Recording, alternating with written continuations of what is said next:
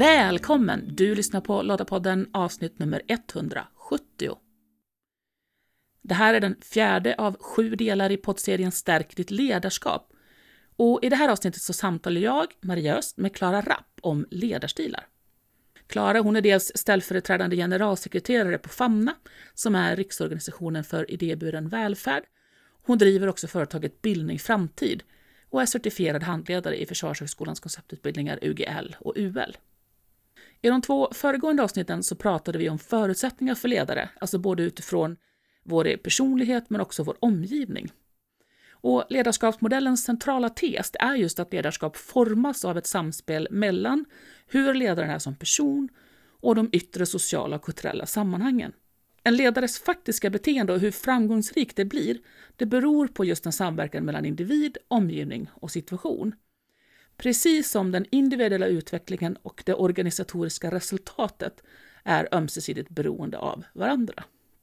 Att Svenska Lottakåren gör en poddserie om ledarskap det är för att vi vill inspirera och stärka ledare i de frivilliga försvarsorganisationerna, eller dig som funderar på att ta en ledande roll. Men materialet passar lika bra oavsett vilken organisation, förening eller företag som du verkar i. I serien så utforskar vi ledarskap ur olika aspekter och tar avstamp i Försvarsmaktens ledarskapsmodell. Lottapodden den är producerad av Svenska Lottakåren och vi är en frivillig försvarsorganisation som engagerar och utbildar kvinnor som vill göra skillnad i vardag, kris och krig för att stärka samhällets beredskap och totalförsvaret. Ledarskapsmodellen beskriver tre typer av ledarbeteenden. Utvecklande, konventionella och destruktiva beteenden. Häng med in i samtalet så får du kunskap om hur du kan stärka ditt utvecklande ledarskap. Hej igen Klara! Hej Mio! Du, eh, du och jag pratade ju i inledningen till den här poddserien lite generellt vad ledarskap är för att sätta lite tonen för serien. Och nu ska vi ju djupdyka lite mer då i beteenden som bidrar till just att ha ett, ett gott ledarskap. Det finns ju olika parametrar kring det här tänker jag och en av dem är till exempel destruktiva beteenden. Men det kommer vi inte att prata om direkt här. Vi kanske touchar in det, men det kommer ett helt avsnitt om det, så den som vill fördjupa sig i det kan ju se fram emot det avsnittet, tänker jag. Ja, det är ju spännande. Men eh, om, vi då någonstans tittar på eh, liksom våra beteenden då som, som ja, men de vi har runt omkring oss uppfattar då i att vi har en viss ledarstil. Eh, om man då tittar ändå på konventionella och utvecklande beteenden, alltså, vad är skillnaden egentligen? Det korta svaret är ju hur medarbetarna känner sig motiverade. Vilken grad av inre motivation de vi leder har, oavsett om det är en medarbetare eller en styrelsemedlem. Hur jag som medarbetare känner mig uppmärksammad för den jag är, att jag har koll på vart vi ska och möjlighet att påverka min vardag. Det kan göra att jag vill göra det där lilla extra, ta det där extra spadtaget. Medan de konventionella ledarbeteendena, eh, det är ju en tudelad historia det där med konventionellt ledarskap. Det finns ju de med en positiv känsla och så de som är lite mer negativa. Om jag känner, om vi tänker den, den mer, de positiva ledar, konventionella ledarbeteendena, då kan jag känna som medarbetare att ja, men mina goda prestationer, de uppmuntras och belönas. Jag är trygg med att verksamheten följs upp. Medans när de går till överdrift, kan det ge starka negativa konsekvenser.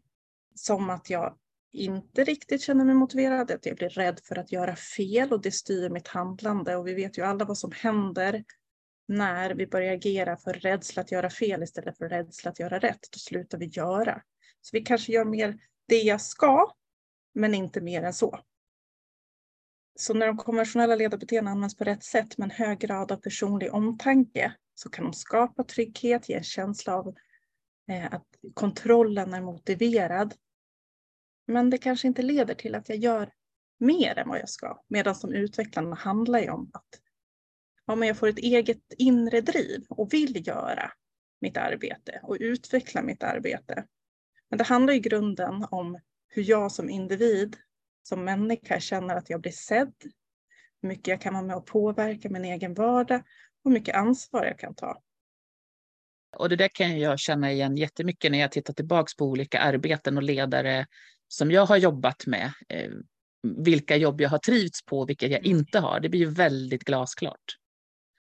Ja, och det är för mig är det jätteviktigt att jag blir bekräftad som individ. Att jag känner att jag är både omtyckt och uppmärksammad, men att jag också får vara med och styra och ställa lite i vad det är jag håller på med. Annars tappar jag motivationen.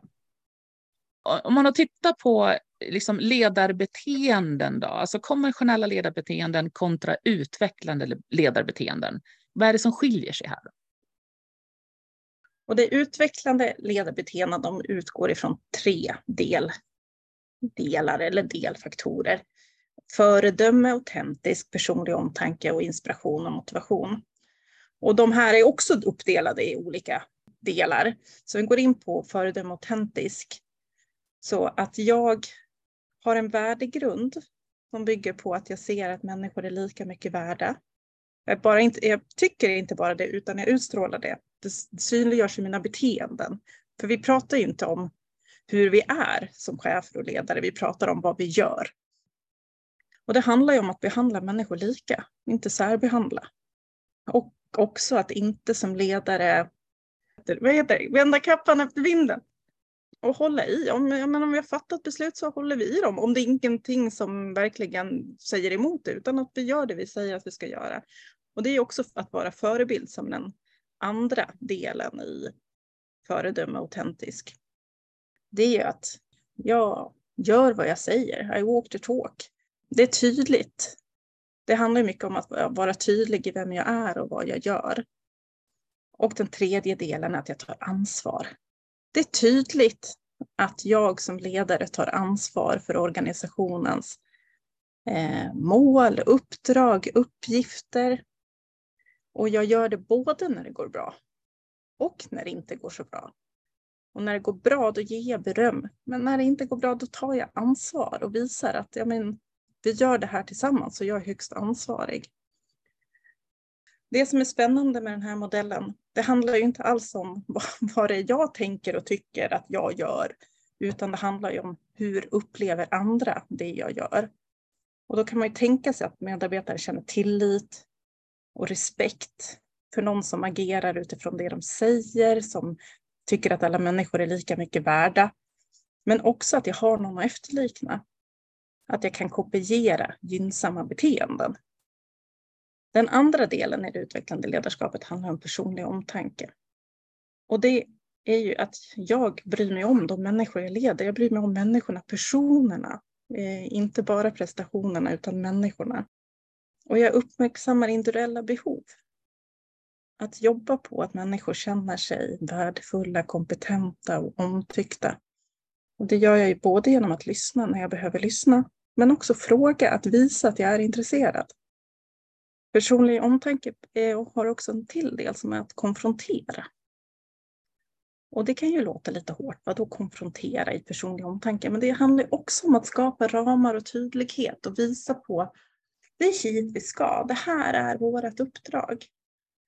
Och då handlar det om att konfrontera både i det som har att göra med relationer när saker och ting inte funkar, det som har att göra med det vi arbetar med, vårt uppdrag, våra uppgifter, hur vi gör det, och att eh, ta tag i konflikter och skapa förutsättningar för en konf eh, konflikthantering.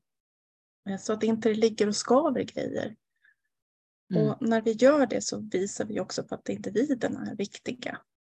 Och vi tar tag i problem innan de blir för stora. Och det är också att visa omtanke. Sen har vi den tredje och sista delen då i det utvecklande ledarskapet som handlar om att inspirera och motivera. Och den består också av två delar och det uppmuntrar delaktighet. Och det handlar mycket om att skapa entusiasm för en uppgift. Även att delegera om det är någonting jag tycker är extra spännande att göra, en prestigefylld uppgift i min värld att delegera det, att visa att vi är flera som gör och dela med mig av roliga grejer. Och det handlar inte bara om vad det är jag gör och vad det är jag delegerar, också hur jag gör det. Alltså en, jobba med en känslomässig smitta. Att entusiasmera, säga men hörrni, det här är väl kul, det här klarar vi. Det jag utstrålar, det smittar ju också, känslor smittar.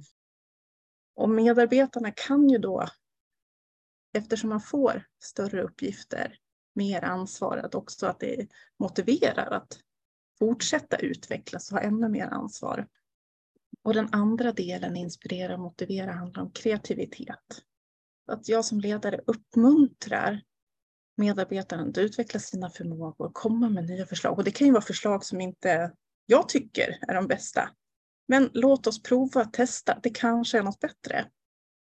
Och det här kan ju skapa möjlighet att tänka i nya banor, utveckla verksamhet, få vara del av att utveckla en verksamhet. Men om vi höjer, gör lite för mycket, alltså jag höjer min volymkontroll och sänder ut för mycket kreativitet eller frihet så kan det ju också skapa en känsla av osäkerhet. Så att, att sådär, vara lagom, se vad individerna behöver och vart, mm. vart gruppen är. Det är hur jag delar med mig. Så det var det utvecklande och det handlar ju både om ja, men vad jag gör, vad jag sänder, hur jag gör det, vilka tonfall jag har. Jag tänker också på så konkreta saker. Hur lyssnar jag? Lyssnar jag mm, och visar att jag är intresserad eller hittar jag bort när någon pratar? Men om jag är där och är intresserad av människor, jag tar ansvar för uppdraget, uppgifterna och ser till att vi har en ramverk och en struktur att hålla oss i. Så blir det också lättare för den enskilde individen att göra bra grejer. Och då, men vi kommer då till det konventionella ledarskapet Eh, så sa jag att det var en tudelad historia det där. För att det handlar ju om både vad vi gör, hur vi gör, vilka tonfall vi använder som ledare. Vi har fyra delfaktorer i det konventionella ledarskapet. Den första handlar om att eftersträva överenskommelser. Och jag som ledare här tar ansvar. Jag tar ansvar för uppgifter och jag kan ha ett förslag på hur det ska lösas, men vi kan prata om det okej, har du någon idé hur vi skulle kunna göra på ett sätt? Men jag visar att jag har, jag har koll på det här. Om det inte kommer något förslag så säger jag så här gör vi. Det kan ju vara väldigt likt eh, det som ligger i utvecklande ledarskapet, att uppmuntra delaktighet och kreativitet. Så det kan ju vara svårt att skilja och det är ju lite så i den här modellen. Det är ju inget så här, det är inte raka streck utan mm. det handlar om upplevelsen. Jag som ledare i det här kan berätta om vad händer när vi har klarat en uppgift så att vi får en möjlighet att fira så att det är också en tydlighet i och vi har dialog. Och det här kan ju upplevas av medarbetare som att ja, men det här är ganska tryggt, det är säkert. Jag vet när jag är klar med en uppgift. Eh, jag kan checka på det, känna mig nöjd. Men om vi då tar, fortsätter på delfaktorn eftersträva överenskommelser men går ner på den mer negativa sidan kallas den för fiska och morot. Och det handlar om en villkorad belöning. Och kanske till och med med en liten känsla av, av hot i det. Ett exempel skulle kunna vara, visst kan vi pröva att göra jobbet på det sättet du föreslår. Vi får väl se hur det går. Att jag inte är säker att, jag känner mig inte säker på att det är okej okay att jag prövar. Jag kan berömma de som gör ett arbete bra men kanske inte ge stöd för de som behöver det, som inte klarar sig lika bra, i mina ögon. Det behöver inte vara sant, men i mina ögon. Eh, och det kan finnas ett ganska tydligt, äh, tydligt belöningssystem, men också ett konsekvenssystem. Vad händer om det inte går bra? Som medarbetare så anpassar man sig ju ganska ofta, men det kan ju bli en känsla av osäkerhet, en rädsla för att göra fel. Och vad händer när jag gör fel? Och då kan det också minska motivationen att vilja göra lite mer eller försöka pröva testa nya idéer. Om vi då går över på den andra delfaktorn, kontroll. Så vi behöver ju kontrollera som ledare, det beror på vilken verksamhet. Ibland så är det ju lagstadgat, reglerat så att det blir rätt och att vi vet som medarbetare så kan det ju också vara väldigt tryggt att veta att någon håller kontroll och har en liten extra blick på det jag gör. Och att jag som ledare inte att tveka. Jag tvekar inte att ingripa om någonting blir fel. Jag tar ansvar för verksamheten. Och jag anstränger mig för att hålla god koll på läget. Men som medarbetare, eller inte män, också medarbetare kan jag känna att ja, men jag blir lugn. Jag tycker att det är motiverat, att det är någon som kontrollerar. den här arbetsuppgiften eller situationen. Den negativa aspekten på kontroll kallas i modellen för överkontroll. Och det blir mer känslan att jag har någon som tittar mig över axeln när jag gör saker. Någon som letar fel, kanske letar mer fel än letar rätt. Det kan ju till och med finnas en känsla att det är någon som för bok på mina fel. Att det noteras. I den här, de här ledarbeteendena ska vi se att man kanske inte belönar saker som blir rätt. Man tittar mm. hellre efter fel. Och om vi tittar på hur medarbetarna reagerar så kan det bli mer som status quo. Det händer inte så mycket. Man gör det man ska, man gör inget mer. Och hellre inte alls än att det blir fel. Och då blir det en ganska lågpresterande medarbetare, lågpresterande grupp. Om vi jämför till exempel med att om jag har utvecklande ledarbeteenden eh, när jag ska konfrontera en situation mot om jag har konventionella ledarbeteenden så kan jag till utvecklande så frågar jag medarbetaren. Hur tyckte du att det här blev? Och så får medarbetaren själv en möjlighet att prata om det. Kanske också själv en möjlighet att komma på förslag till hur ska vi göra nästa gång? Mm. Att jag visar med mina utvecklande ledarbeteenden att det är okej okay att göra fel. För av misstag så lär vi oss. Så att jag sätter den kulturen. Medan den i den konventionella ledarbeteendena, beroende då på vart vi är på skalan, om vi är på den positiva eller negativa delen, så att jag mer berättar att det blir fel.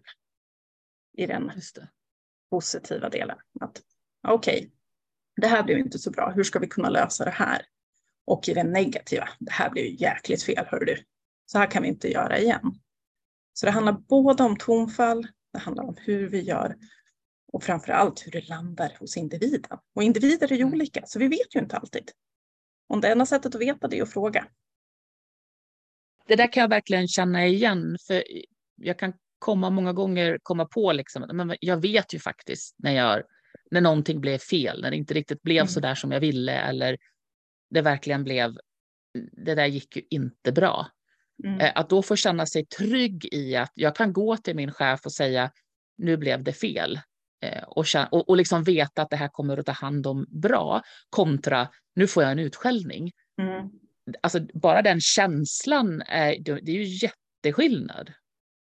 Och det gör ju någonting med oss i fortsatt arbete, även om det är en specifik situation som jag får en utskällning i så sitter ju den kvar i kroppen också. Mm. Så blir jag ju lite mer försiktig när jag tar upp saker nästa gång och den tredje gången mm. så kanske jag inte tar upp någonting alls och så får det där ligga mm. och vara fel istället för att vi utvecklas och lär oss tillsammans av de misstag som är. Så det är, ju, det är farligt för en organisation som inte tar hand om sina fel på mm. ett bra sätt. Precis, för det där blir ju verkligen en jätteskillnad på om vi har en, ett klimat där vi kan, kan prata om saker och känna oss delaktiga eh, och veta att vi kan påverka eller om eh, det blir en tystnadskultur i att mm. det, här kan, det här kan vi inte prata om för det, det åker tillbaks på mig. Mm. Det blir inte det här lärandet. Och lite det tillbaks till du sa, det här med att vissa, ehm, eh, vissa arbetsplatser har, är ju väldigt lagstyrt mm. på grund av eh, ja, risker eh, på olika sätt. Och då är det ju ännu viktigare att vi verkligen identifierar att oj, här höll ju faktiskt någonting på att gå helt tokigt. Mm. För det kan ju verkligen få enorma konsekvenser rent fysiskt för individer om, om någonting mm. går snett. Där måste, så att, eh, inte för att på något sätt nedvärdera det psykiska, för det, det är ju liksom också viktigt. Människor ska ju trivas och vilja vara delaktiga, tänker jag. Nej, och jag tänker oavsett, alltså det är jätteviktigt om det är regler, reglerat i lag, att vi gör det vi ska, men också i många andra verksamheter. Det är viktigt att vi inte går fel. Men för att kunna gå rätt så måste vi ju gå fel ibland, för annars mm. utvecklas vi inte. Och skapa mm. den, det klimatet, den kulturen, där vi någonstans uppmuntrar individer att prova och testa. Jag träffade en tjej, och jag har glömt bort hennes namn, men hon sa så här, skiter i, så här, vi provar och testar, skiter det sig så gör vi det inte igen. Jag tyckte det var en ganska härlig mm. eh, tanke. Alltså bara så här, ja men då skiter vi i det. Vi rycker lite på mm. axlarna. Vi har utvärderat, vi kollade, det gick inte riktigt som vi tänkte. Och då blir det ju väldigt tillåtande. I en tillåtande kultur där vi har öppet så är det ju lättare att skapa tillit mellan både individer och individer och organisation. Och när vi känner tillit så blir vi tryggare. När vi blir tryggare och har en större grad av psykologisk trygghet så har vi lättare att använda hela oss själva mm. i våra arbeten. Och det är då vi också blir motiverade, tänker jag. I varje fall är det så för mig. Men Ja, men verkligen. Och då blir ju resultatet bättre. Alltså det blir ju mer mm. verkstad av det här. Vi behöver, när, vi när jag inte behöver tänka på att vara orolig för hur kommer jag bli bemött? Kommer jag att klara av det här? Hur ska det här gå? Utan verkligen bara kan fokusera på att tänka nu kör vi. Det är det här mm. jag ska göra. Och kanske då snarare använda min tankeverksamhet till hmm, det, här blir, det här blir ett problem. Hur, hur löser jag det? Mm. Eh, så att på, just utifrån då organisationens mål istället för mm. att sitta och fundera på um, ja, hur, hur, passar jag in och, och, och, vad får jag säga och göra. Och där är ju också, jag tänker på organisationens mål, det är viktigt att vi vet vad organisationens mål och det är ju en stor del av det utvecklande ledarskapet att, att som ledare berätta, involvera, om man har möjlighet att påverka så kanske det skapar ännu mer motivation. Vart är det vi ska? Varför ska vi dit och prata om de sakerna? Jag var inne i en organisation här för ett tag sedan som det blev så tydligt att den högsta chefen visste precis vilket mål det var medan de anställda inte riktigt visste och då är det svårt att få den där kraften, den gemensamma mm. kraften framåt. Då behöver vi prata om saker och ting och lyfta upp det. Och för när jag vet målet, då kan jag också göra prioriteringar. Vad ja. är viktigast just nu för, för, att, mm. för mig att lösa för att vi ska mm. komma dit? Mm. Den här grejen, om jag har flera olika saker, men jag vet att det här, den här grejen, liksom, den kommer att leda oss framåt mm. snabbast, bäst. Det andra får vänta lite. Och då blir det också lättare som ledare att göra, alltså få acceptans för de prioriteringar man gör. Mm. Om man jag vet att jag har en medarbetare som tycker att den här arbetsuppgiften är den roligaste och så går jag och säger nej men du får inte göra den mer. Så kan ju det minska graden av motivation. Men om man då har en gemensam bild att det är hit vi ska och därför måste vi lägga den här på is nu under fyra veckor så blir det ju lättare att acceptera. Mm. Och jag behöver inte gå omkring och bli irriterad och frustrerad för någonting som skulle kunna vara självklart. Det är någonting som jag kan tycka är lite klurigt då, för du, du nämnde ju det att det här handlar ju inte om vad jag som ledare tycker eh, och, och, säger utifrån min horisont, utan det handlar ju om medarbetarnas upplevelse, vad jag gör och hur jag beter mig. Eh, det här gör ju att jag som ledare verkligen behöver tänka till och som du också har nämnt, då, vi är ju inte lika utan alla är ju individer och har lite olika behov. Det här kan ju kännas lite så här, oh, oh, hur klarar man av det här då? Och det kan ju vara frustrerande. Jag har själv funderat väldigt mycket på det i mitt ledarskap. Vad, vad är det då? Och hur ska jag göra? Hur ska jag kunna vara så bra som jag vill? Eller göra så mycket bra grejer som jag vill eh, göra? Det handlar ju om självkännedom. Att hålla koll på mig själv. Hålla koll på när jag reagerar och varför jag reagerar. Och vad det är som gör att jag reagerar på saker och ting. För att det är ju så, som ni också kommer prata mer om när ni pratar om det destruktiva ledarskapet, bad is stronger than good. När vi gör saker som gör människor illa berörda eller gör människor illa så sitter det mycket längre än när jag gör bra saker. Det kan ju kännas oschysst om man gör ett misstag en gång, men det finns där. Och då är det ju ett sätt, det är ju att, att man ber om ursäkt över sitt beteende, men då måste jag ju koll på mig själv. Sen är det ju att fråga be om feedback, be om återkoppling. Att mm. skapa en sån kultur där det är möjligt för människor att säga det som behöver sägas. För jag vet inte alltid hur saker och ting landar. Jag kan tro att jag gör gott, men i själva verket så landar det på ett annat sätt. Om jag då inte får veta det så sitter det både kvar hos den individen som känner sig drabbad och jag kanske fortsätter göra samma sak omedvetet. Just det. Och det är också en, en grej, det är att skapa rätt förutsättningar för mitt ledarskap. Kunna bygga den där kulturen där vi berättar vad den här feedback eller återkopplingskulturen. Så behöver jag ju också visa att jag är öppen, dela med mig av mig själv, dela med mig när jag tycker att det är svårt och be om hjälp. Så att skapa en sån kultur, en tillåtande kultur. jag håller ju med i att någonstans handlar det ju om att inte sitta och inte göra någonting heller, utan faktiskt fundera. Alltså det är ju relationer, vi är olika allesammans. Mm. Och det kan ju bli fel ibland, men det måste det få bli. Och som du säger då, att faktiskt känna sig själv och äga när man gör fel också. Den är, det är ju en jätteviktig ur föredömssynvinkel också. Att, mm. att oj, nu, nu blev det inte riktigt bra. Jag tror att det här kanske inte var så schysst. Eh, och jag ber om ursäkt för det. Att, att våga göra det är ju, är ju faktiskt väldigt stort. Men också då med, med en väldig alltså uppriktighet och en, att det inte bara blir slentrian, utan jag menar verkligen det här.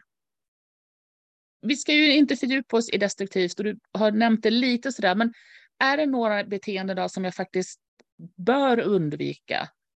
Och, och kan jag undvika dem verkligen? Självklart finns det beteenden vi bör undvika, men ibland kan vi ju inte. Och då, då är vi återigen, jag menar, om jag upptäcker att jag gjort fel, då ber jag om ursäkt. Men en sak som jag har funderat ganska mycket på här på, på de sista veckorna, det är det här med mentalt läckage.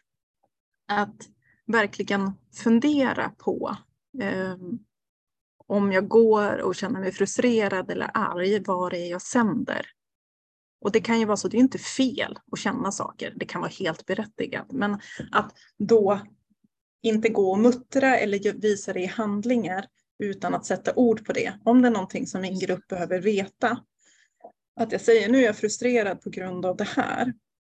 Så att det inte sänder, för det kan ju skapa en massa osäkerhet om man går, mm. börjar gå och fantisera. Vad är det den här chefen mm. håller på med? Varför är den så stressad? Ska vi bli uppköpta nu eller håller vi på att gå i konkurs? Alltså nu hårdrar jag det. Eller mm. någonting annat, något mindre. Mm. Eh, så att sätta ord på det som är viktigt. Och sen vissa gånger så behöver man ju bara hålla inne det för sig själv för det är faktiskt min förbannade uppgift som ledare att härbärgera vissa känslor. Inte alltid lätt, men det kan vi träna på. Men sen är det det där med överkontroll. Att om jag upplever, dels när jag kanske får feedback, men jag kanske upplever själv att jag börjar ha en tendens att överkontrollera. Att jag går, går tillbaka till mig själv och funderar på, okej, okay, varför är det så? Varför har jag ett stort behov av kontroll nu? Har jag svårt att släppa ansvar? Är det någonting jag kan göra för att skapa bättre förutsättningar så att jag har tillit i att släppa ansvar? Eh, är det någonting jag behöver, ett samtal jag behöver ta? Eller behöver jag jobba med någon struktur, någon förutsättning? Och den tredje punkten jag tänkte på det är att eh, försöka behandla alla lika. Och det är ju inte mm. alltid så lätt, om, speciellt för de som leder en himla massa människor. Alltså det finns ju chefer som arbetsgrupper eh, på 60 pers eller 30 mm. eller så. När jag var chef över 25 personer, då behövde jag göra en lista. Så här, bara checka i att jag har pratat med alla den här veckan. För det är så det. lätt. Det är inte bara, oftast det är inte bara chefer vi är, det är inte bara ledarskap vi idkar, utan vi gör en massa andra mm. saker i vår vardag också. Att så ändå på något sätt visa att jag ser individer varje vecka. Vad är ett sätt mm. för mig? Jag skapade mig själv en struktur för att inte missa någon. Vissa är det ju mm. lättare att prata med och andra är det ju lite svårare. Men att skapa rätt förutsättningar. För, för mig har det, har det ofta hjälpt att, eh, att tänka tillbaka på ja, men, chefer och ledare som, som jag själv har haft och funderat över. Vad var det de gjorde som som påverkade mig. Antingen då att jag blev väldigt glad eller motiverad eller om jag då kände mig att här har inte jag någon plats. Mm. Vad var det de gjorde? Och kunna, just kunna se då, är, är, gör jag någonting liknande? Mm. För att då liksom någonstans försöka få mig själv att förstå att oj, vänta nu, nu, nu måste jag göra någonting annorlunda. För det här funkar inte, det här blir inte bra. Eh, och sen som sagt, sen är, det ju inte, är ju inte det någonting som kanske funkar mot, mot alla, men men lite sånt där i alla fall check att ja, men så här hade jag mått bra utav. Att någonstans ändå börja. Jag måste ju börja någonstans tänker jag. Mm. Och, och, jag kan ju inte sitta och bara fundera på hur ska jag göra? För då kommer jag ju ingenstans. Jag måste ju ut och leda. Mm. Och, då, och då är det relationer det handlar om och då går det snett emellanåt. Liksom. Mm. Och det är helt okej. Okay. Det jag gillar verkligen med ledarskapsmodellen det är dels att det grundar sig i beteende Det är mm. precis som du säger, det är saker jag kan göra. Jag kan testa att göra på ett annat sätt och se vad det får effekt, vad det för effekt. Vad det får, vad jag får för återkoppling då. då. Och att det är en glidande skala.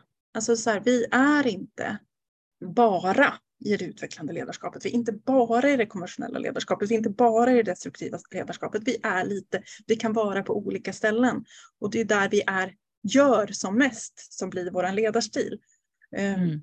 Men det betyder ju att vi går upp och ner. Och det är ju också att vi måste ju vara uppmärksamma på personerna vi leder och grupperna vi leder. Vart är de i kunskap och i mognad?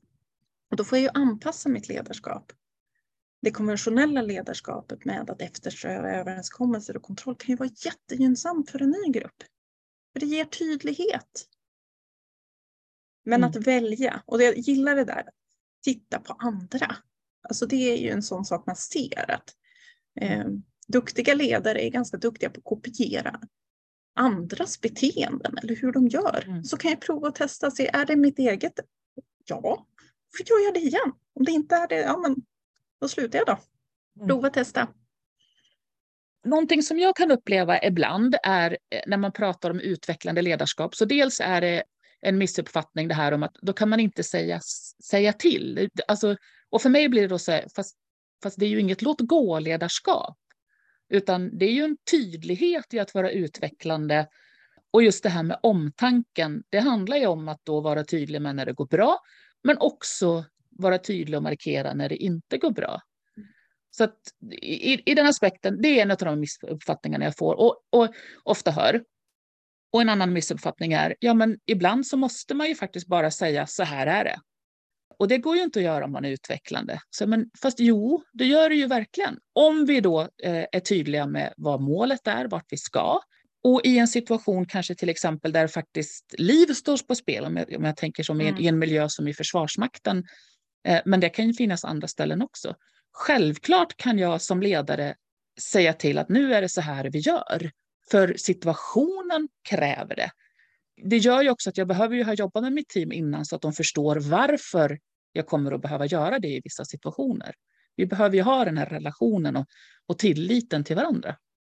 Det sista du sa är ju jätteviktigt för att när vi kommer i ett läge, eller om vi kommer i ett läge där livet står på spel, då är det jätteviktigt att det är tydligt vem man ska följa.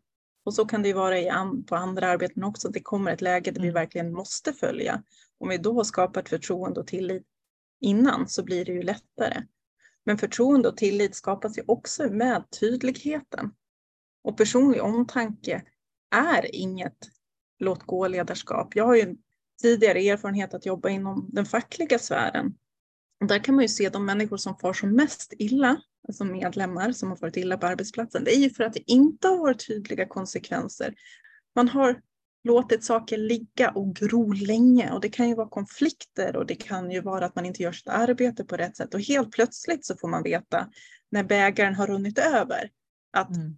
nej men du är inte välkommen här, vi vill inte ha mm. dig. Och då blir den personliga krisen ännu större än om jag har fått veta och fått möjlighet vi kan ju inte styra hur andra människor gör, men vi kan ju påverka.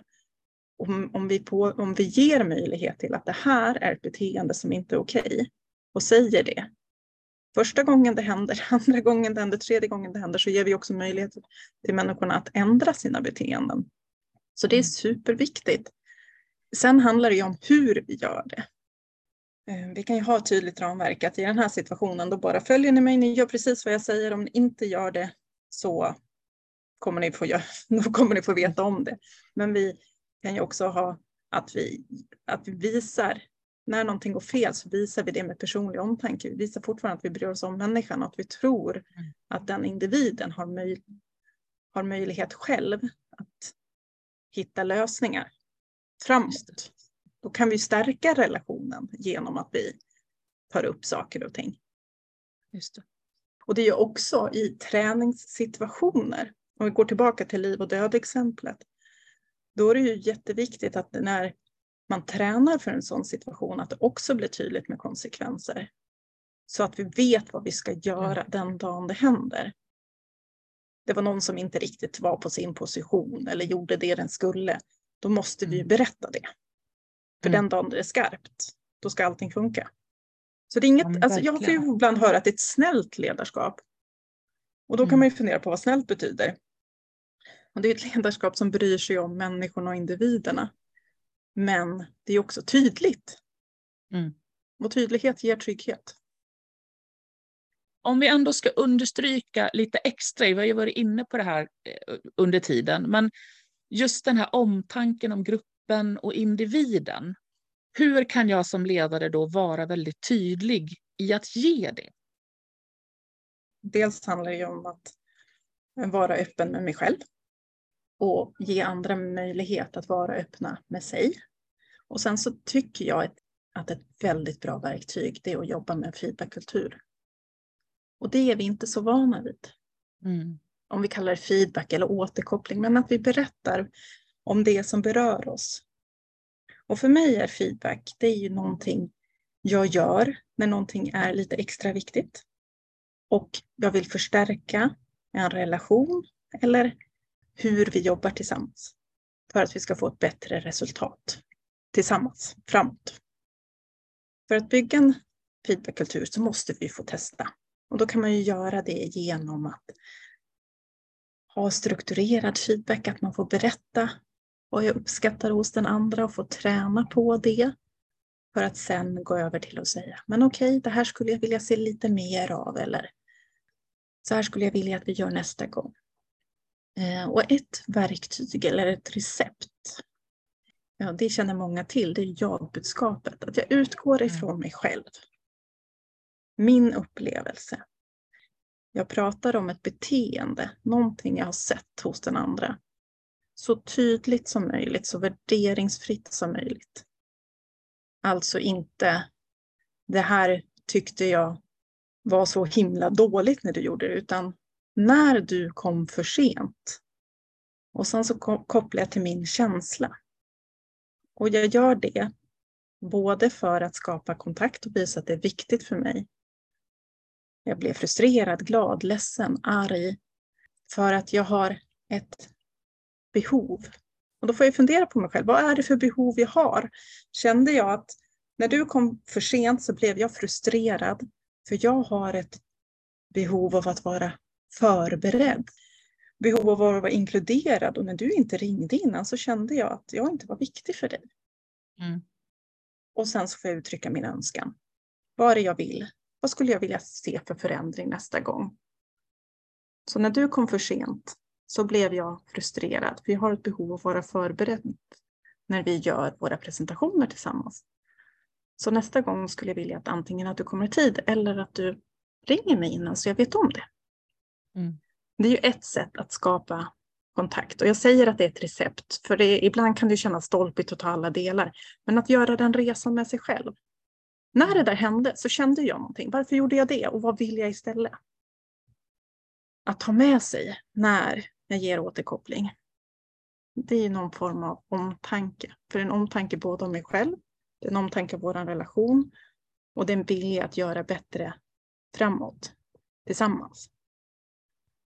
Att tänka på att, att göra det i rätt tid brukar jag tänka. Och där är vi ju olika.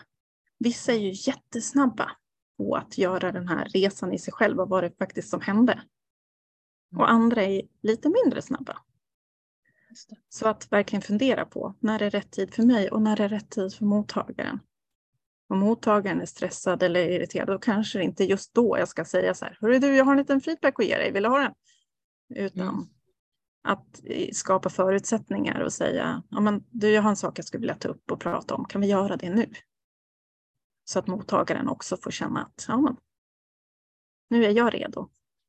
Jag-budskapet är ett sätt att skapa kontakt Mm. för möjlighet till samtal och eventuellt möjlighet till ett förändrat beteende. Och då får jag ju tänka på själv då som ledare. Om jag tycker att det är viktigt att ge feedback, då måste jag ju fundera på hur tar jag själv emot det? Det. Och det är ju väldigt lätt, nu pratar jag av egen erfarenhet, att börja förklara, försvara mina beteenden och agera med ryggmärgen direkt. Speciellt om jag är lite stressad eller uppe i varv eller mitt uppe i någonting annat. Men att istället då ta den där presenten för vad den där presenten är. Den kanske inte är formulerad precis som jag skulle vilja att den var formulerad. Men att ge mig själv en liten stund. Jag brukar säga mm. tack. För att ge mm. mig själv de där mikrodelen av en stund för att bara inte agera med ryggmärgen. Och sen fundera på, okej, okay, vill, jag, vill jag ta emot den där presenten, den där karamellen? Vill jag suga lite på den eller vill jag spotta ut den? Är det ett beteende jag vill förändra? Kanske någonting jag vill förbättra, göra mer av? Eller är jag nöjd med den jag är? Vill jag förbli som jag är? Men det kräver ju att jag själv tänker. Och ju, fler, ju mer mottaglig jag är för att ta emot feedback, desto lättare är det för resten av gruppen både att ge, men att skapa att jag är en förebild i hur mm. Eh, man tar emot feedback och att det är helt okej i den här gruppen att göra det. Jag skulle kunna tänka mig att några som lyssnar sitter och tänker sig, jo, jo, men det här är ju all well and good när vi då har en utsedd ledare eh, och jag är, liksom, jag är formellt tillsatt till det här. Men om jag då befinner mig i eh, ett ideellt sammanhang där jag kanske leder en, en, grupp individer som då på sin fritid ska, ska driva en verksamhet, som, som till exempel i en organisation då på lokal nivå. Mm. Då är ju det här precis lika användbart. Ja, och kanske ännu mer. Alltså för jag tänker som formell ledare, om vi tänker chefsposition så har du ändå en lön att motivera med. Eh, du har ett anställningsförhållande, du har den yttersta konsekvensen att man inte kan ha kvar sitt arbete. Som ideell så har vi ju inte det. Så för att få ut så mycket som möjligt av varandra tillsammans och så bra kvalitet som möjligt så behöver vi jobba med att, vi, att alla är motiver tillräckligt motiverade. Och det där kan ju gå i vågor. Men då är det ännu viktigare att delegera ansvar. Någonting som jag ofta ser när jag jobbar med styrelser, det är ju att det är en ordförande som har så tunga axlar för det ligger så mycket på den och det är ju ingen annan som har möjlighet att ta på sig. Och så kan det ju vara. Men ju mer vi ber om hjälp, desto mer vi bjuder in till delaktighet, desto större engagemang kommer vi att få. 99 gånger av 100. Så att det gäller ju verkligen att använda de här verktygen.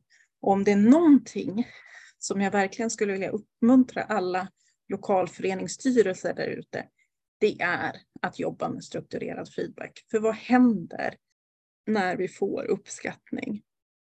Vi blir gladare, vi blir nöjdare. Känslan i rummet den brukar nästan vibrera när mm. vi får gå runt och säga till varandra, väldigt enkelt, det här tycker jag du har gjort bra idag. Det här uppskattar jag med dig. Och det skapar motivation när vi blir sedda som människor. Ja, verkligen. Och jag tänker just också i en, en, situation där jag faktiskt då har valt att lägga min fritid på att engagera mig i någonting som som sagt då inte ger mig en inkomst, mm. men som jag nog förväntar mig ge mig inkomster på annat sätt i, i form av då kanske en tillfredsställelse över att faktiskt kunna ja, bidra till något större. Mm. Det behövs verkligen det här det, det där är det där att bidra till något större, att prata om varför gör vi det här?